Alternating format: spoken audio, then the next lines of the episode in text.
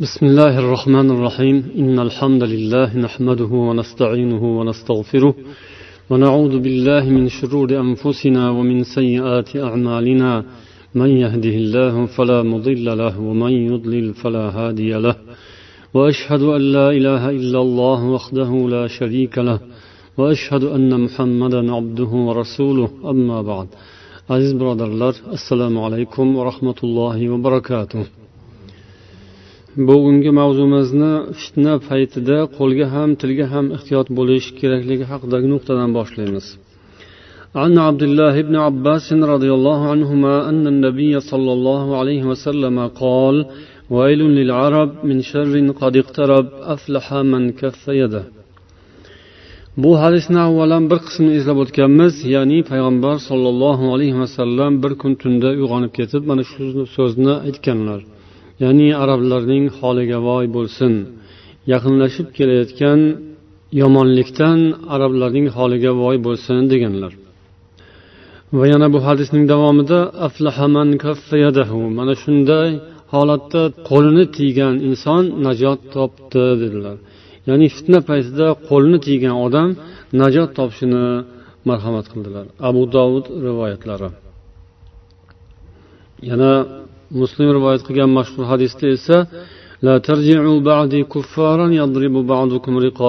deganlar. Mendan keyin sizlar bir birini boshini kesadigan kofirlarga aylanib ketmangiz dedilar. Bu ham insonlarni fitna paytida ehtiyot bo'lishga chaqiradigan hadis. Ya'ni odamlar shunday mohiyati aniq bo'lmagan ishlarga aralashib kofirlar qiladigan ishni qilishlari yoki kofirga aylanib qolishlari xavfidan ogohlantirdilar mana bu hadis ham e'tiborli hadis anna udaysata binti uhban roziyallohu anha qolat لما جاء علي بن أبي طالب ها هنا البصرة دخل على أبي عديسة بنت أهبان رضي الله عنه aytadilarki ali ibn abi tolib basraga kelgan paytlarida mana otamni oldilariga kirdilar ya'ni o'sha ali roziyallohu anhu zamonlarida bo'lgan fitnalarga bog'liq masala Shu musulmonlar jamoasi ulkan xalifalik ikkiga bo'linib musulmonlar ikkiga bo'linib turgan bir og'ir damda ali roziyallohu anhu xalifa bo'lib saylanganlaridan keyin musulmonlarni birlashtirish uchun ko'p harakat qilganlar. Ana shu harakatlarida u kishi basraga borganlar. Shunda odamlarni bir yo'lga jam bo'lishga da'vat qilganlar. Uhbon qizi udaysa rivoyat qilib aytadilarki ali basraga kelganlarida mana otamni oldilariga kirdilar.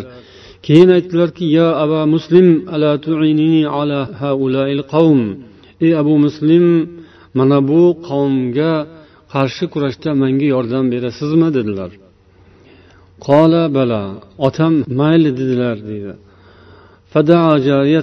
shundan keyin o'zlarini xizmatkor qizchalarini chaqirdilar ya'ni bu kishini otasi. Ya jariyatu akhriji sayfi. Ey qizcham mani qilichimni olib kelgin dedilar otam deb hikoya qiladi udaysa.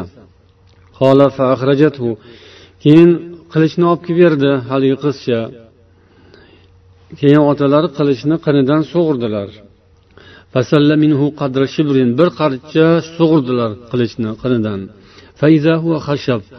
Qarasa u yog'och ekan.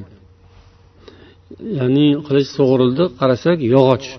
فقال إن خليلي وابن عمك صلى الله عليه وسلم عهد إلي إذا كانت الفتنة بين المسلمين فاتخذوا سيفا من خشب mening halilim do'stim va sizning amakingizning o'g'li sollallohu alayhi vasallam deb aytyaptilar kimni aytyaptilar payg'ambarimiz sollallohu alayhi vasallam aytyaptilar amakingning o'g'li Menga shunday vasiyat qilganlarki agar musulmonlar o'rtasida fitna bo'ladigan bo'lsa yog'ochdan qilich yasab olishimni vasiyat qilganlar. Agar mana xohlasangiz siz bilan birga chiqaveraman dedilar. Ya'ni mana shu qilich bilan chiqaman siz bilan birga urushga dedilar. Qola ali aytdilarki la hajatali fika vala fi sayfika. Sizni ham keragingiz yo'q qilichingizni ham keragi yo'q deb ali keyin chiqib ketdilar. Bu hadisni inshaalloh keyinroq yana eslaymiz. Hozircha buni esinglardan chiqarmay turasizlar. Ya'ni bu hadisda demak ali roziyallohu anhuga qo'shilmadi u kishi. Payg'ambar sollallohu alayhi vasallamni hadislarini vasiyatlarini hujjat qilib shunga amal qilgan tarzda ali roziyallohu anhu bilan birga urushga chiqmagan odamning hikoyasi bu.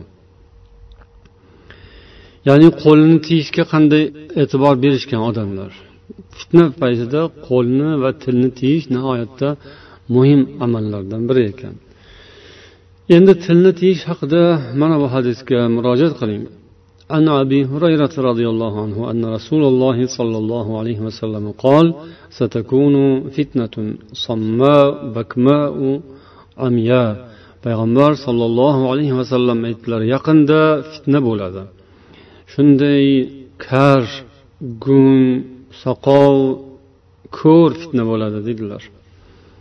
Buning sharhini avvaldagi suhbatimizda aytib o'tdik. Yani kar degan nima degani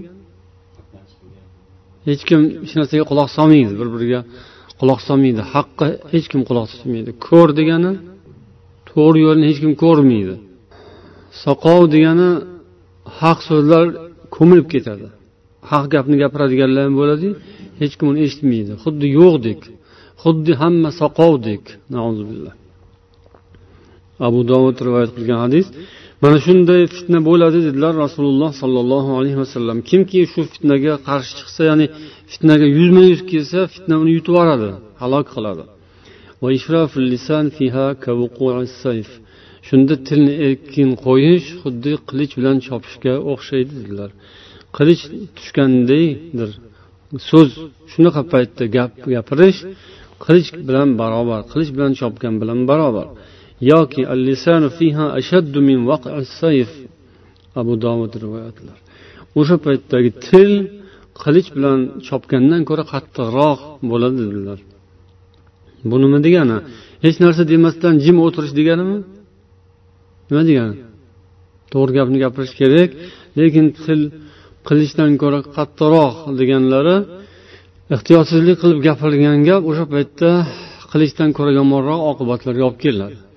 Va o'sha bir og'iz yomon gap noto'g'ri gap noo'rin gap qaltis gap vaziyat qaltis bo'lib turgan mahaldagi gapirilgan gap bir qancha odamlarni hayotiga umriga zomin bo'lishi mumkin. Qancha odamlar qirilib ketishiga bir og'iz so'z sabab bo'lishi mumkin. Chunki o'sha bir og'iz so'z bilan urush boshlanishi yoki bir og'iz yaxshi o'rinli hikmatli so'z bilan bu narsa tinchishi mumkin. Fitnalar oldini olinishi mumkin. Mana bu quyidagi hadisda ham shu narsaga ishora bor. Abdulloh ibn umardan bo'lgan rivoyat. U kishi ham mana shu fitnalar zamoniga to'g'ri kelganlar u kishini hayotlari. Ya'ni sahobalardan juda ko'pchiliklari fitna paytida fitna urushlarida ishtirok qilishgan shunda hozir bo'lishgan. Moviya roziyallohu anhu bilan ali roziyallohu anhu o'rtalarida bo'lgan mojarolardan hikoya qiladilar. Odamlar tarqalib ya'ni hakamlar harakat qilib isloh qilishga kelishtirishga musulmonlarni birlashtirishga bo'lgan urinishlar foyda bermagan. Odamlar tarqaldilar uchrashdilar tarqaldilar hakamlar uchrashdilar tarqaldilar. Iloji bo'lmadi. Shundan keyin xataba muaviyatu muaviya bir xutba qildilar deydilar. abdulloh ibn umar man kana yuridu an yatakallama fi hadha al-amr falyutli' lana qarnahu فلنحن أحق به منه ومن أبيه muoviya shunda xutba qilib aytdilarki kimki mana shu ishdan umidi bo'lsa kimki mana shu bizning ishimiz haqida gapi bo'lsa qani gapirsin chiqsin o'rtaga qani bir o'zini ko'rsatsinchi dedi u kishi Shubhasiz biz bu ishga o'sha gapiradigan odamdan ko'ra va uni otasidan ham ko'ra biz loyiqroqmiz deb u kishi xutba qildi. Ya'ni xalifalikka biz loyiqmiz. Bu ishni biz ushladik biz ushlab turamiz. Bizdan boshqasi hech kim bunga yaqinlasha olmaydi qani gapirib ko'rsinchi. Qani kimni gapi bo'lsa gapirsin. Oldindan aytaman deganday o'sha gapiradigandan uning o'zidan ham otasidan ham ham ko'ra loyiqroqlar bizmiz deb aytdilar قال حبيب بن مسلمة فهل أجبته habib ibn maslama shunda abdulloh ibn umarga aytdilar bu gapga javob qilmaysizmi dedilar قال عبد الله فحللت حبوتي وهممت أن أقول men shunda to'nimni yechib ya'ni barini yechib bir xotirjam bo'lib mana bu gapni aytmoqchi bo'ldim deydilar.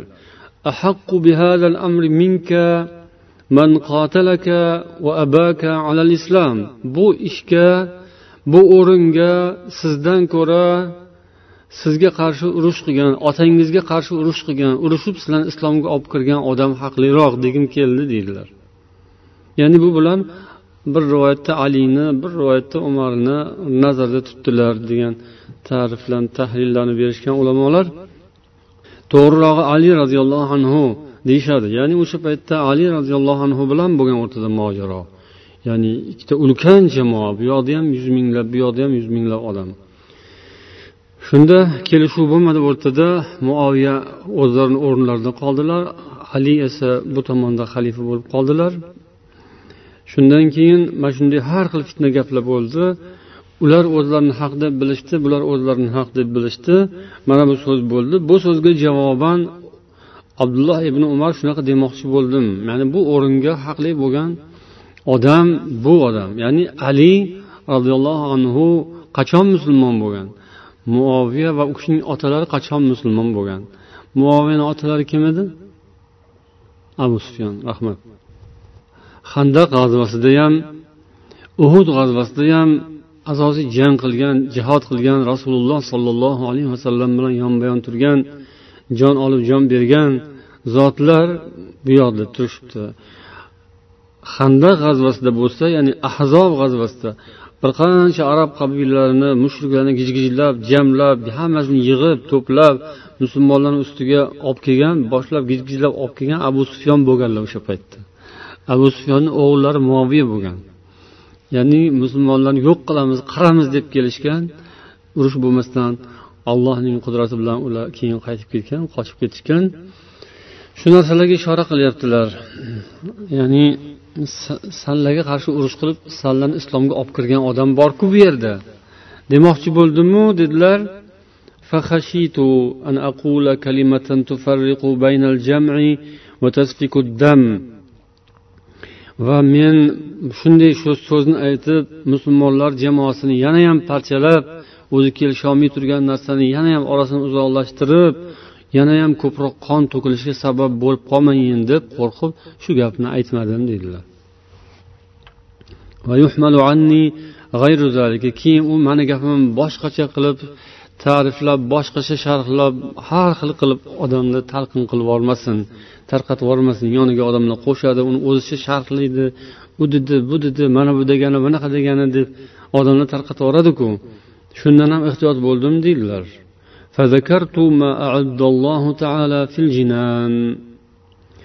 Alloh taolo jannatda tayyorlab qo'ygan mukofotlarni esladim deydilar. Ya'ni bu dunyoda nima ish bo'lsa ham oxiratda olloh aytganday bo'ladi. Bu dunyo hikmatli fitnali dunyo. Haq tepada haq pastda nohaq tepada va hokazo har xil o'rinli o'rinsiz ishlar bo'laveradi lekin alloh taoloning oxiratdagi hisob kitobini va dunyoda ko'rilgan tortilgan jabr rustam nohaqliklarga alloh albatta oxiratda chiroyli javob mukofot qilishi berishi va ularni hammasini o'rnini to'ldirishini esladim deydilar. Shu ma'noda eslab keyin jim bo'la qoldim deydilar. Bu ham fitna paytida sabr qilish tilni tiyishga bir misol. Va o'sha bilan musulmonlarni bugungi kungacha islom dini yetib kelishi o'sha ko'priklardan o'tgan. Ya'ni o'sha ishlar o'sha voqea hodisalar ko'prik bo'lgan.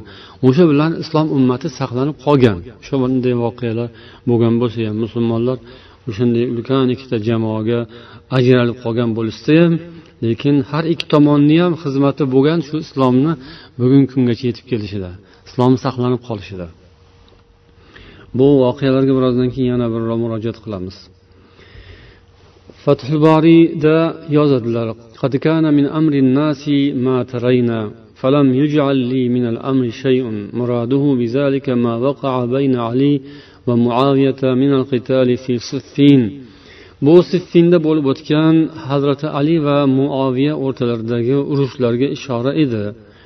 O'sha paytda odamlar jamlanolmay qoldilar. Hazrati ali roziyallohu anhu tomonlaridan abu muso ashariy hakam bo'lganlar. Hazrati muoviya roziyallohu anhu tomonlaridan esa amr ibn os roziyallohu anhu hakam bo'lganlar. Har ikkovlari ham ulug' sahobiy. Bular uchrashib o'rtada muzokaralar olib borishdi. Kelishtirishga harakat qilishdi lekin iloji bo'lmadi. Chunki buning boshlanishi qayerdan boshlangan edi bu fitnalarni? Ha rahmat. Usmon roziyallohu anhuning o'limlaridan boshlangan ya'ni qatllaridan shahodatlaridan. U kishini dushmanlar munofiqlar halok qilishgan uylarida o'ldirishgan. Shunday ulkan islom xalifaligida qancha kuch quvvat bo'la turib shu narsani oldini olishni iloji bo'lmay qolgan.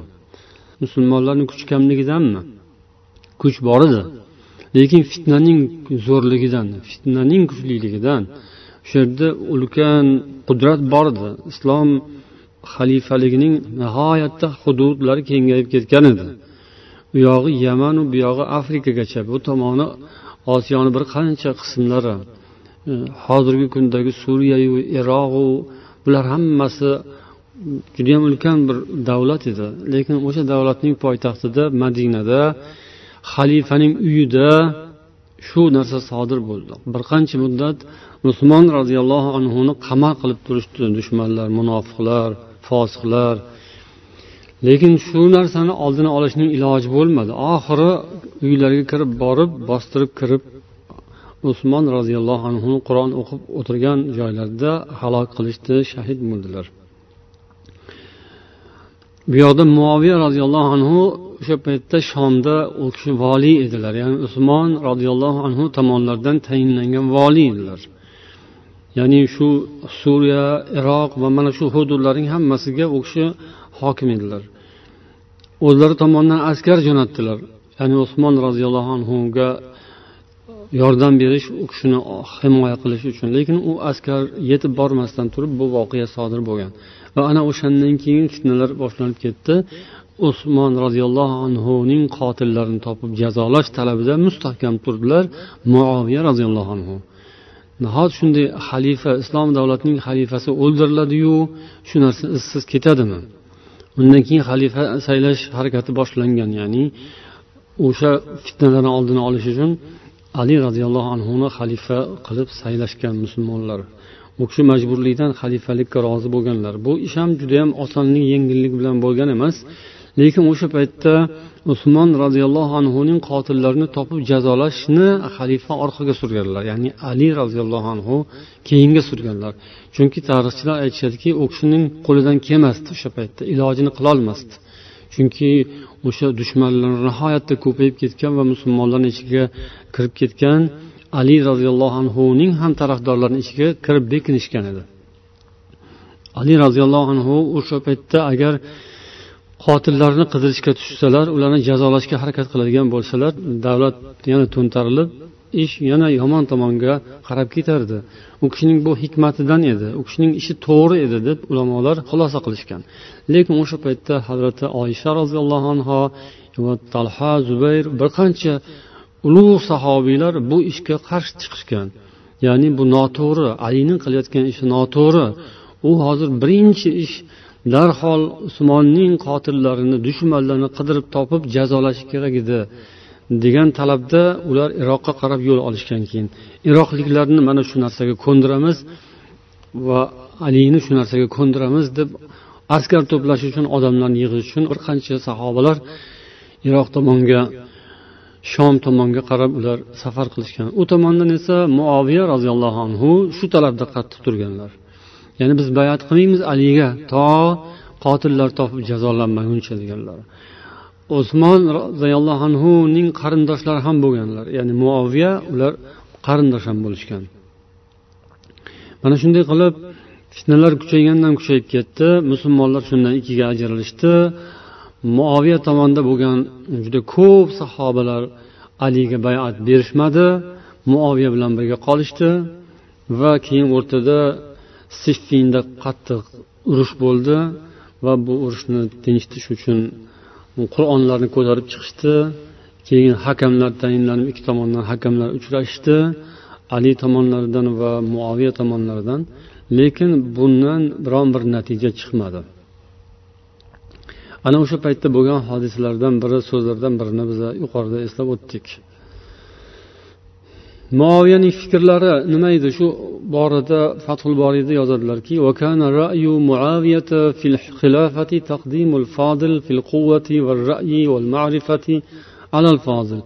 bu kishi mana shu o'rinda xalifalikni quvvati fikri ma'rifati qudrati kuchli bo'lgan odam agar u mafzul bo'lsa ham shu birinchi o'rinda bo'ladi shu oldinga suriladi ish shuning qo'lida bo'lishi kerak islomga kim birinchi kelgan kim ko'p ibodat qilgan kim birinchi hijrat qilgan u narsaning hozir ahamiyati yo'q deb u kishi shu fikrda bo'lgan ekanlar ibn umar ibn umarning esa fikri buning teskarisi bo'lgan وأنه لا يبايع المفضول إلا إذا خشي fitna.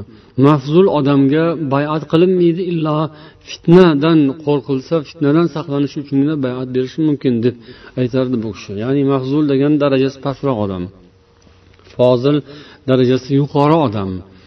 Ya'ni bu yerda darajalarga qaraladigan bo'lsa kim avlo e, kim loyiqroq deyilsa ma'lum edi. Ya'ni ali roziyallohu anhu yoshlikdan boshlab musulmon bo'lgan va umrlari jihodda mana shunday mashaqqatda mehnatda qiyinchilikda din uchun xizmatda o'tgan. Bu o'rinda lekin fikrlarni qarang. Fikrlar xilma xil qarama qarshi bo'ldi. Ho'p u kim nima xizmat qilgan bo'lsa olloh beradiku uni mukofotini degan gap ham noto'g'ri emasdi u bekor ketmaydiku uni mukofotini biza mukofotlashimiz shart emasku. Biza islomni ushlab qolishimiz kerak. Biz davlatni ushlab qolishimiz kerak. Biz ishni mustahkam olib borishimiz kerak. Buning uchun kuch kerak quvvat kerak qudrat kerak ma'rifat kerak siyosat kerak. Bu ham fikr deb bu ham bu ham noto'g'ri fikr emasku bu fikrda edilar muoviya va u kishining yonidagi bo'lgan sahobalar. Ibn umar roziyallohu anhuning oldilariga yana bir odam kelib mana shu ishda ishtirok qilishga taklif qilganlar. Ba'zilar demak o'rtada turishgan. Ibn umarga o'xshaganlar u yoqqa ham bu yoqqa ham qo'shilishmagan. Ali va muoviya tomonlarida ko'plab sahobalar bo'lishlari bilan bir qatorda ba'zi sahobalar o'rtada turishgan. Hech qaysi tomon bilan birga bo'lishmagan. Shulardan birlari abdulloh ibn umar edilar. Bu kishining huzurlariga odamlar kelib ko'ndirishga harakat qilishgan. Yordam bering siz ham ya'ni u kishining so'zlari o'tadigan e'tiborli obro'li olim sahobalardan birlari. Juda ko'plab hadislar rivoyat qilgan. Rasululloh bilan kichkinalik paytlaridan doimo birga yurgan. Shunday e'tiborli shaxslar hech narsaga aralashmasdan turishlari qanday bo'ladi? Yo u yoqqa yo bu yoqqa o'tmaydilarmi deganday bir odam kelib ya aba abdurahmon ala tasmau ma zakarallohu fi kitabihi? Axir olloh kitobida aytganku eshitmaysizmi? Va in toifatani minal mu'minina iqtatalu degan oyat.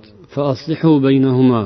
Agar mo'minlardan ikki toifalar urushib qolsalar bas ularni o'rtalarini isloh qilinglar deb olloh aytganku. To'g'rimi? Qur'onda olloh shuni buyurgan bo'lsa aynan shunaqa ish bo'lib turgan bo'lsa musulmonlar ikkiga bo'linib urush chiqib turgan bo'lsa olloh nimaga buyuryapti? O'rtasini isloh qilinglar bularni degan. Hatto degan oyat ham keladi baqara surasida.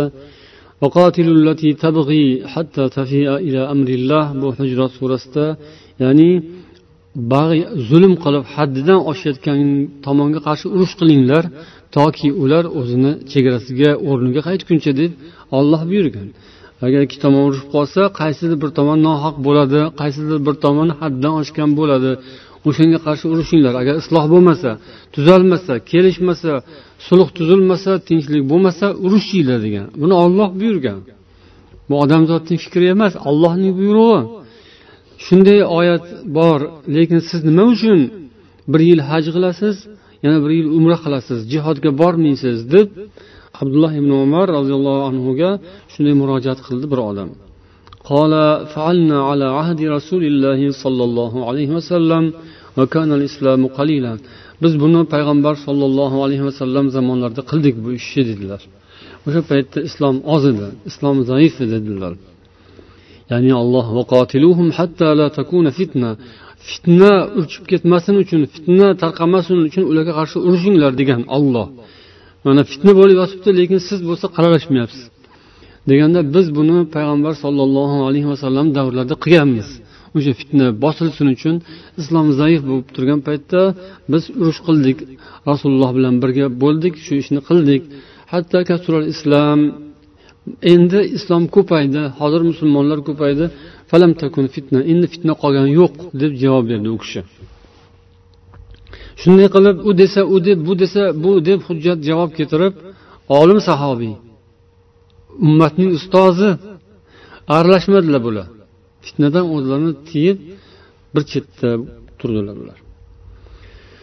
Bu fitnalarning boshi hali aytganimizdek usmon roziyallohu anhu zamonlarida boshlangan edi. Huzayfaning so'zlari bor ekan bu o'rinda avvalul fitan qatlu usmon va oxirul fitan ad dajjal boshlanishi usmonning o'ldirilishi oxirisi dajjol demak fitna davom etaveradi. Shu usmon roziyallohu anhu zamonlaridan boshlandi. Endi yo oxiri dajjol chiqqunga qadar bu davom etaveradi. Demak bu boradagi mavqif yoki e'tibor hammaga tegishli. O'sha paytda o'zida bo'ldiyu endi tugadi emas. Ya'ni bu um, hazrati aliyu muoviyayu yoki ibn umaru yoki oysha roziyallohu anhu ajmain o'shalarni zamonida bo'ldiyu endi bo'ldi emas. Demak bu narsa boshlangan. endi u to'xtamay davom etar ekan qiyomatga qadar billah minal fitan ma zahara minha va ma batan navaviy yozadilarki واعلم أن الدماء التي جرت بين الصحابة رضي الله عنهم ليست بداخلة في هذا الوعيد payg'ambarning hadislaridagi vaydga kirmaydi bu sahobalar o'rtalarida to'kilgan qonlar payg'ambar alayhissalomning vaidlari nima edi qani kim eslaydi kofirlarga o'xshab bir biringizning boshingizni kesmang to'g'ri yana yana bir hadis bor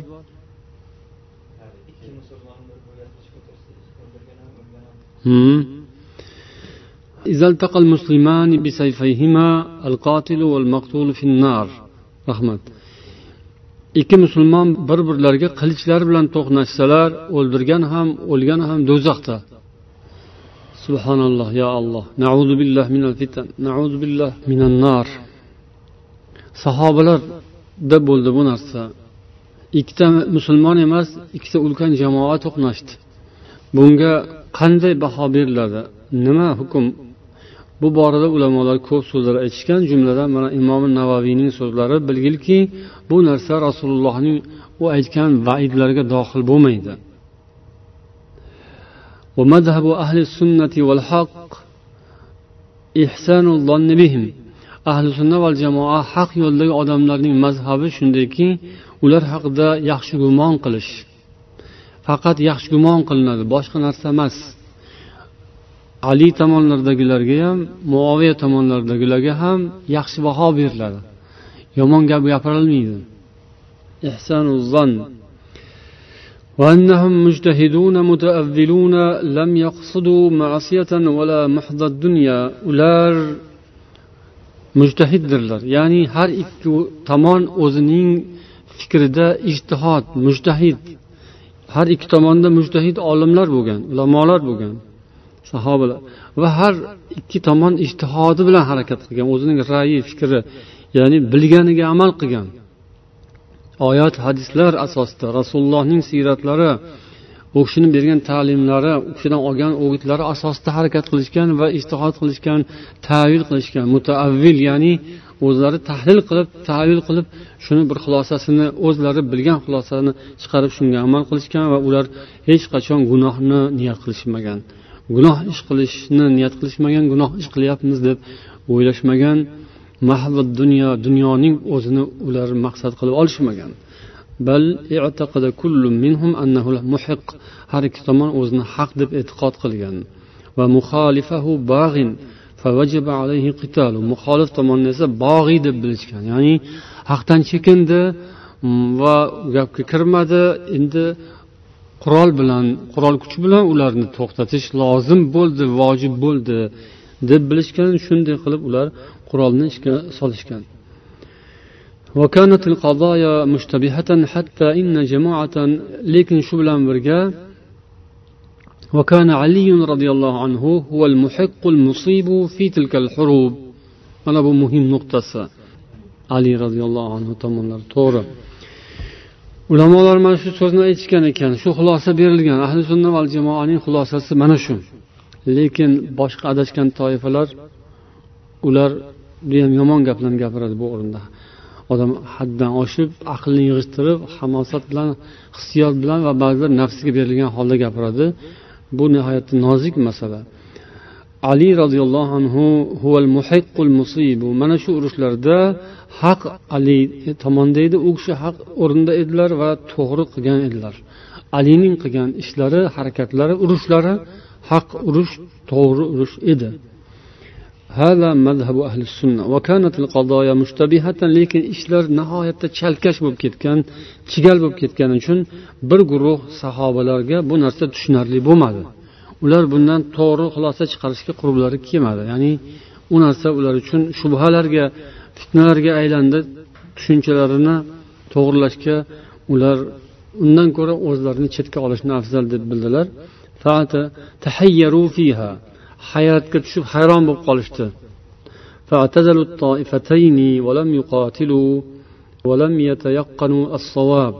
Ular har ikki toifadan uzildilar chetga chiqdilar urushga kirmadilar. Ular savob deb bilmadilar. Savob ekaniga qanoat hosil qilolmadilar ya'ni to'g'ri ekanligiga. Shuning uchun har ikki tomonga ham ular yordam bermadilar. Yana imom navoiy yozadilarki o'sha hadis ya'ni ikkita musulmon qilichi bilan bir biriga to'qnash kelib qoladigan bo'lsa nima qilish kerak degan masalada ulamolarning xulosalari endi.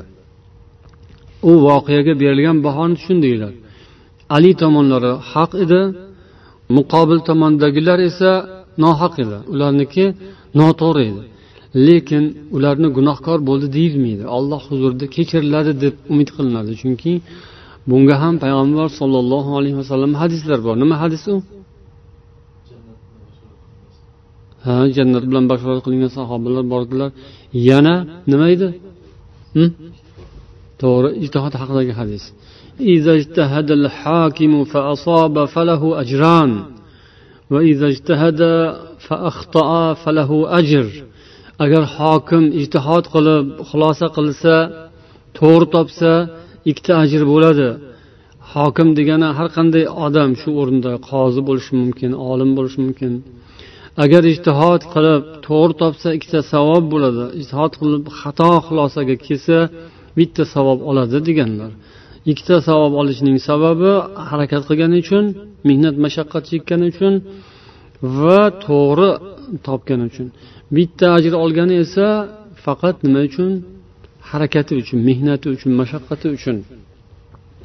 Muoviya roziyallohu anhu tomonlaridagi ham majur deyiladi. Mag'fur majur deyiladi. Kechirilgan va ajr mukofotga sazovor insonlar deb aytiladi. ulamolarning endi bu umumiy masaladagi fikrlari xulosalariga kelamiz.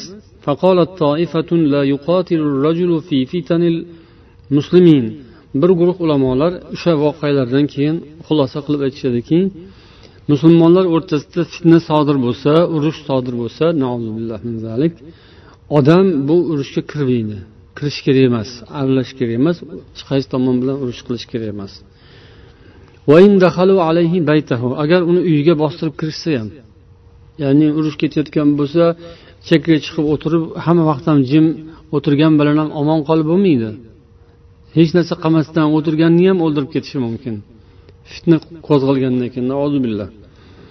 Ikki tomonga ham aralashmasada uyga kirib o'tirib olsa bekinib o'tirib olsa yu uyga kirishsa bostirib kirishsa har xil vaji bilan har bittasi o'zi tomoniga tortqilashi mumkin yoki san uladansan deb ayblashi mumkin.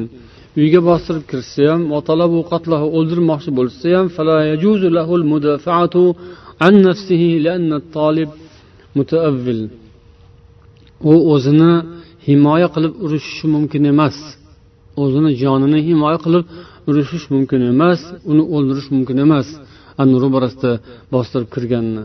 Chunki u mutaavvil ya'ni u tavil qilib shuni to'g'ri deb qilyapti uni qasd qilib odam o'ldirish niyat qilib jinoyat qilish uchun kirgani yo'q u. U gunohkor emas u mutaavvil odam. Tavil qilib bu haq ishni qilaman deb kelyapti. Shuning uchun bu unga qarshi qurol ko'tarish mumkin emas. O'ldirsa o'ldiraversin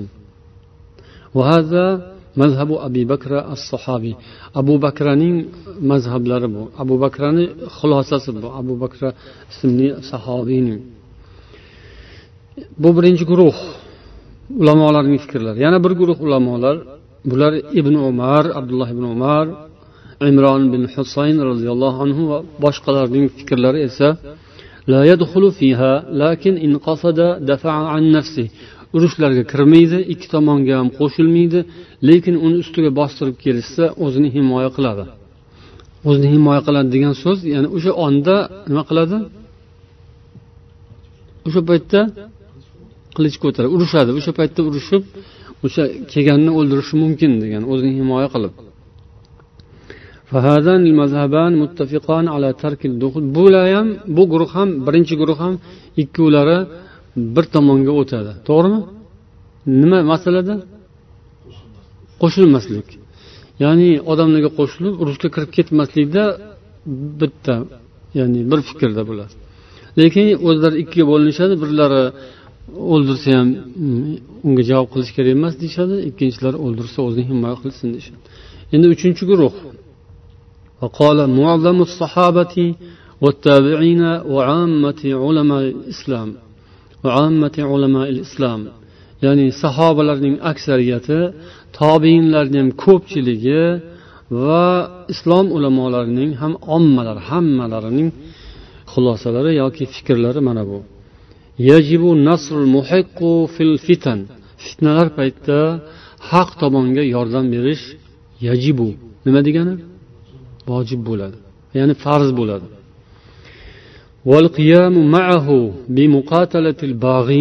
o'sha haq tomon bilan birga bo'lib bog'iylarga qarshi urush qilish vojib bo'ladi كما قال تعالى فقاتلوا التي تبغي حتى تفيء إلى أمر الله alloh taoloning mana bu so'zi bunga asos dalil ya'ni haddan oshgan zulm qilayotgan guruhga qarshi urushingiz toki olloh qo'ygan chegaraga qaytguncha Bu barcha ulamolarning ya'ni islom dinining xulosasi mana shu. Ahli sunna val jamoaning xulosasi mazhabining yo'li mana shundan iborat. Mana shu uchinchi aytilgan. Deb yozadilar imom navoiy va boshqa ulamolar ham. وتتأول الأحاديث على من لم يظهر له المحق أو على طائفتين ظالمتين لا تأويل لواحدة منهما endi yuqoridagi hadislarchi ya'ni bir qancha hadislar o'tdi avvaldagi suhbatlarimizda ham ya'ni fitnadan uzoq bo'lish kerak aralashish kerak emas qilichingni toshga urib sindir yoki qilichingni tig'iga toshni urib tig'ini o'tmas qil yoki yog'ochdan qilich qilib ol bu kimni so'zi rasululloh sollallohu alayhi vasallamni so'zlari. Mana shuncha qaytarish aralashma kirishma qilichingni sindirib tashla yoki yana bir hadisda odamning mazlum o'g'li bo'l zolim o'g'li bo'lma. Ya'ni odamning ikkita o'g'li bo'lib biri ikkinchisini o'ldirgan o'shaning bittasi zolim bittasi mazlum edi. San ham shunga o'xshagan holatda bo'lsang mazlum bo'lginu zolim bo'lmagin degan hadislar bor. Bu hadislarning ma'nosi nima? holbuki ulamolar bu yoqda fitna paytida urush qilish farz o'shani fitnani daf etish uchun urush olovini o'chirish uchun deb turishgan bo'lsa bu hadislarning tavili qanday bo'ladi degan savol savolning javobi qanday bo'ladi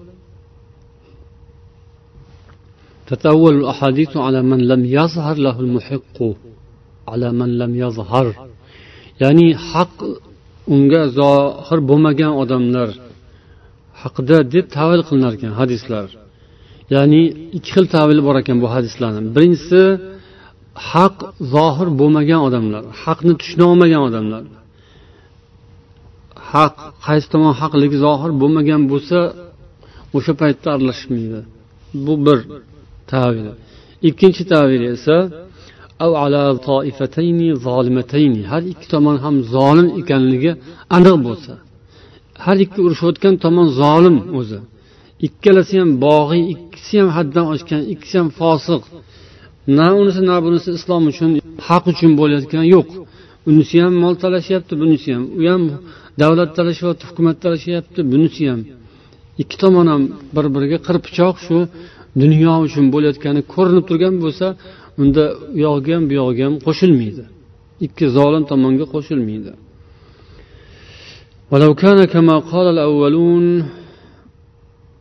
لظهر الفساد واستطال أهل البغي والمبطلون deydilar imom navoiy agar birinchi guruh aytgandek bo'ladigan bo'lsa ya'ni birinchi guruh ikki guruhga bo'lib oldik aralashish kerak emas aralashish kerak degan agar birinchi guruhning aytgani to'g'ri bo'ladigan bo'lsa fasod yoyilib ketadi hamma yoqqa fasod egallaydi buzg'unchilik egallaydi atrofni olamni va ahlul bag'i val mubtilun zolimlar va mubtillar botil ahli kuchayib zo'ravon bo'lib hamma narsani qo'lga oladi ular hamma yoqni egallab oladi demak bu ahli sunna val jamoa ulamolarining xulosalari edi ibn hajar aytdilarki فإن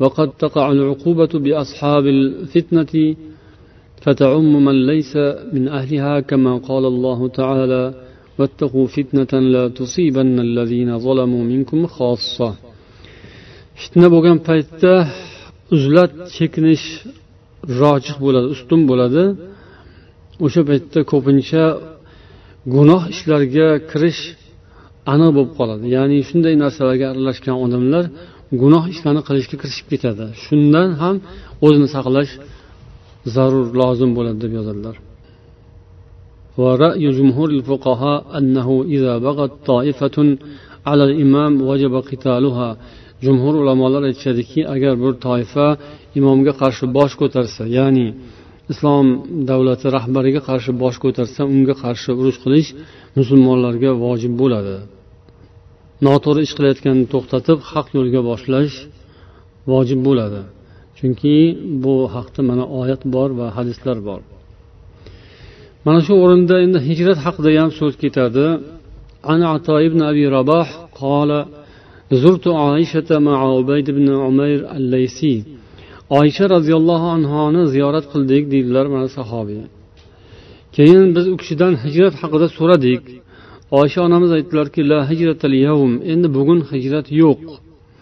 Avvalda musulmonlar dinlarini saqlab allohga va uning rasuliga qochardilar dinlari bilan fitnaga yo'liqmasliklari uchun. Ammo bugun esa olloh islomni zohir qildi ustun qildi.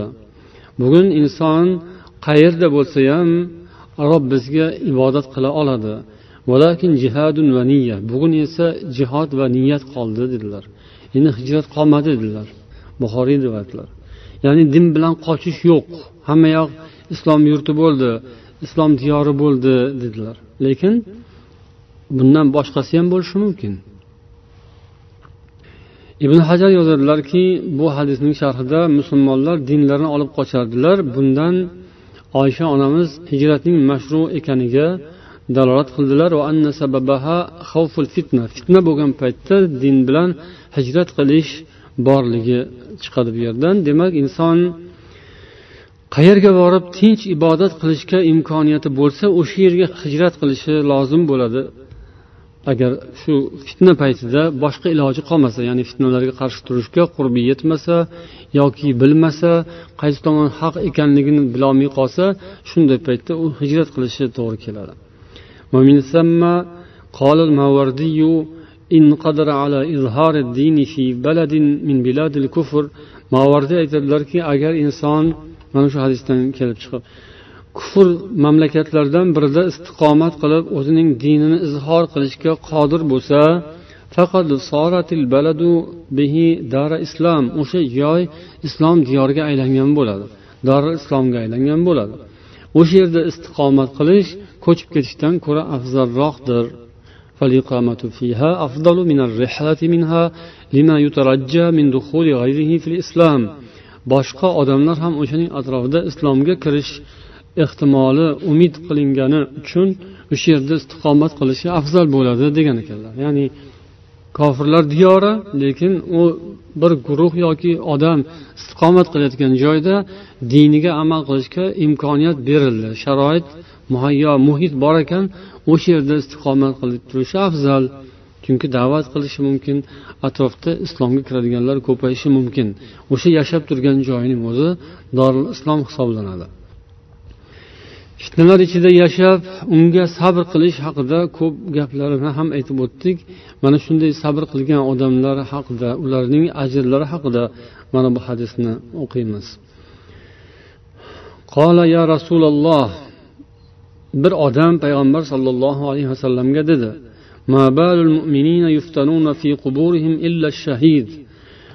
odamlar qabrlarda fitnaga duchor bo'ladilar. Qabrda fitnaga duchor bo'lish deganni ma'nosi nima? So'roq savol munkar va nakir. Lekin shahid bundan mustasno. Har qanday odam qabrda savolga tutiladi lekin shahid bundan mustasno. Shahid savol javobdan ozod. Subhanalloh mashaalloh qola nima uchun shunday? Hamma odam qabrda fitnaga duchor bo'ladiyu shahid bundan mustasno. Buning sababi nima? deb so'radi. Payg'ambar sollallohu alayhi vasallam aytdilar kafa